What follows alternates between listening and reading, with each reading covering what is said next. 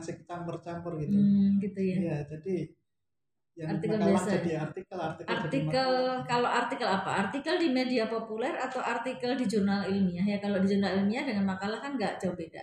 Tapi kalau yang di media populer itu yang agak berbeda.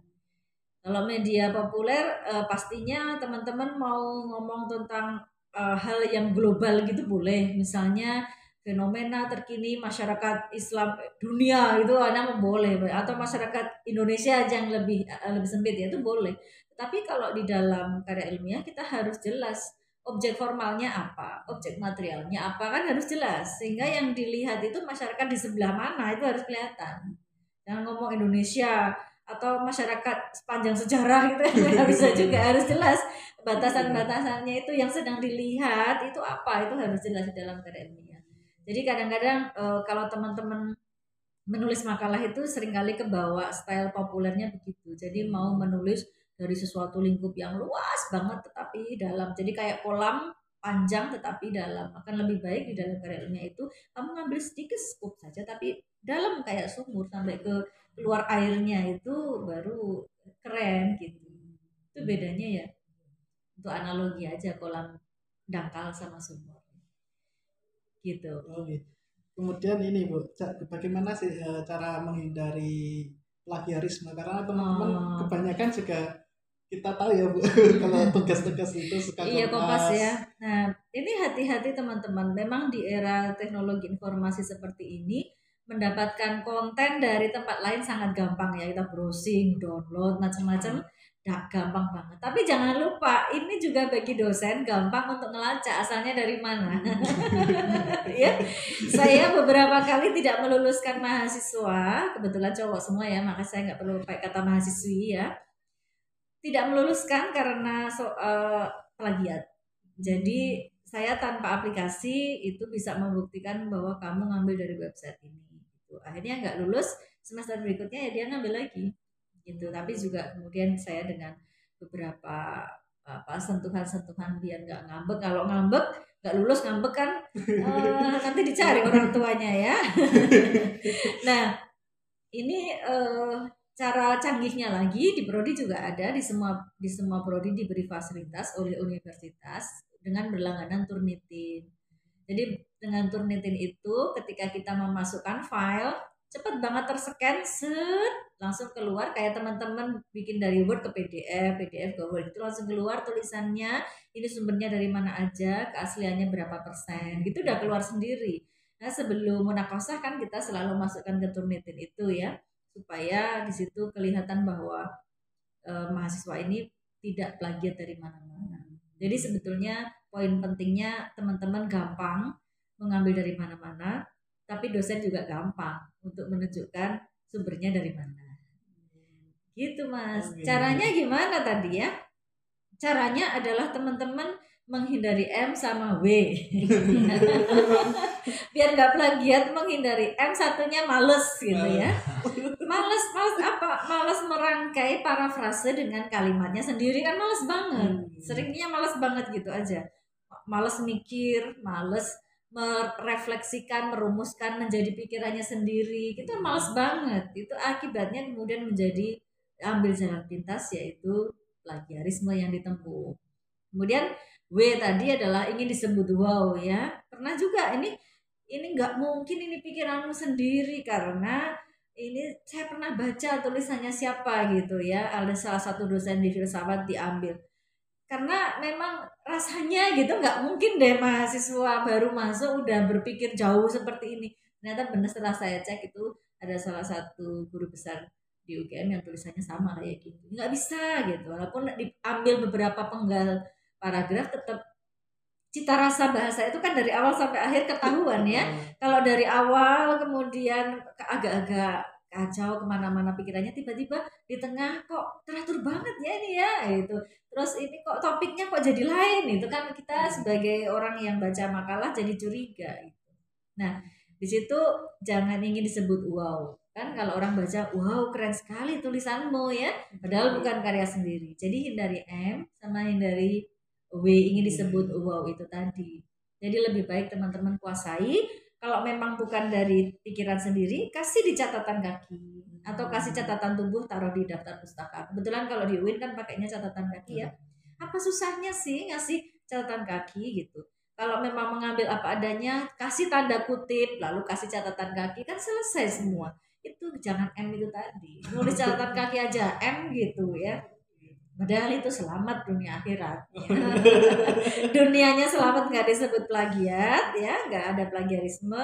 Akhiratnya ya selamat dari pertanggungjawaban kepemilikan kekayaan intelektual, gitu kan? Iya.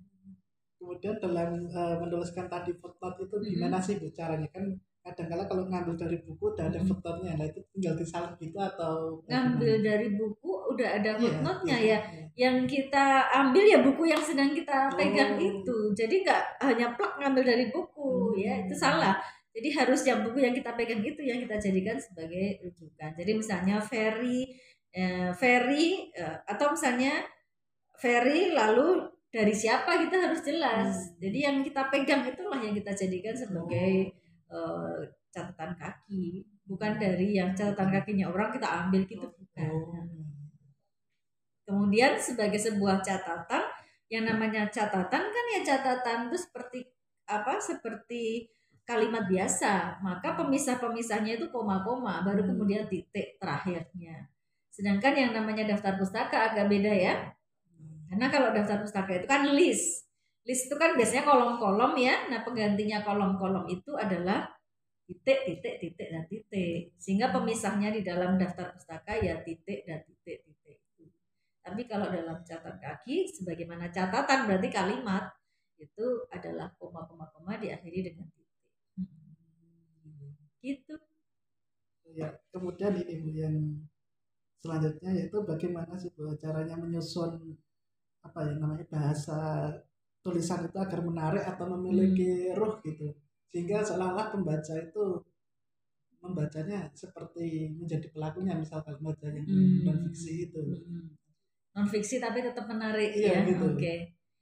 itu kaitannya sama storage penulis ya jadi semakin banyak dia punya kosakata, semakin banyak dia bacaannya itu cukup, maka style tulisannya semakin bergizi. Ya, ini kaitannya sama gizi.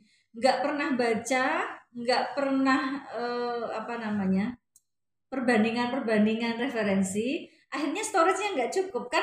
Apa yang keluar itu harus ada yang yang, yang masuk kan ya. Hmm. Jadi apa yang keluar itu ada yang masuk. Seandainya kemudian dia berlatih terus, berlatih nulis, berlatih nulis, tapi kok nggak ada inputnya, ini juga masalah. Maka yang namanya nulis juga harus diawali dari membaca istilahnya semakin banyak kita input yang bagus-bagus keluarnya juga bagus. Yang dibaca komek-komek yang nggak karuan isinya nggak karuan kalimatnya keluarnya ya seperti itu.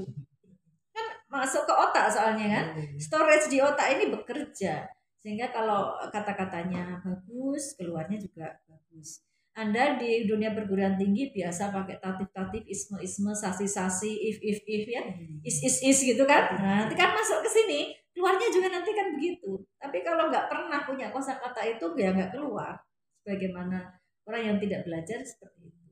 Nah nanti ketika anda banyak baca stylenya siapa siapa siapa banyak anda banyak style nanti akan menemukan sendiri style seperti apa yang akan keluar dari tangan anda atau tulisan anda atau mungkin juga tutur kata anda. Jadi ini agak sulit pertanyaan yang terakhir karena kaitannya dengan storage yang ada di kepala penulisnya. Semakin banyak dia membaca, semakin banyak punya kosakata, dia akan bisa menulis dengan lebih bergizi. Hmm. Tapi semakin ba sedikit bacaannya, karyanya pun semakin kurang gizi gitu. Karena ada yang masuk, itulah yang bekal keluar. Uh, mungkin terakhir untuk pesan kepada teman-teman sudah ya? Masih pengen lagi? Oh. Iya oke. Iya ya gimana Mas Dari apa bu? Kira-kira pesan untuk teman-teman? Pesannya ya, ya. eksistensi manusia itu diakui karena berpikir ya. Kata orang e, saya berpikir maka saya ada. Ada juga yang mengatakan saya ada maka saya bisa berpikir. Intinya bahwa yang membedakan kita dengan makhluk Allah lainnya adalah manusia itu adalah makhluk yang berpikir al insanu hayawanun natik atau animal symbolicum ya kalau bahasanya Ernest Cassirer. Oleh karena itu, untuk menunjukkan eksistensi kita di dunia ini adalah mewujudkan pemikiran-pemikiran kita dalam bentuk tulisan. Sebab apabila kita nanti sudah tidak ada, biarlah tulisan itu yang membuktikan bahwa kita pernah ada. Gitu teman-teman. Terima kasih Bu Ade. Sama-sama Ferry, tetap berkarya ya. Nah, keren sekali. Waktu di kelas aku inget banget. Dia sering bertanya, sampai saya mau keluar kelas nggak boleh loh. Ibu Ade masih ingat itu. iya. Ya Oke. jadi seperti ini ya teman-teman kita sudah mendapatkan eh, wawasan yang sangat luar biasa tentang kepenulisan. Eh, mungkin dari saya eh, sekian dan kita bisa lanjutkan di lain kesempatan untuk bincang-bincang kepenulisan dengan Bu Adib. Demikian yang dapat saya sampaikan. Wassalamualaikum warahmatullahi wabarakatuh. Waalaikumsalam warahmatullahi wabarakatuh. Makasih Mas. Heri. Iya.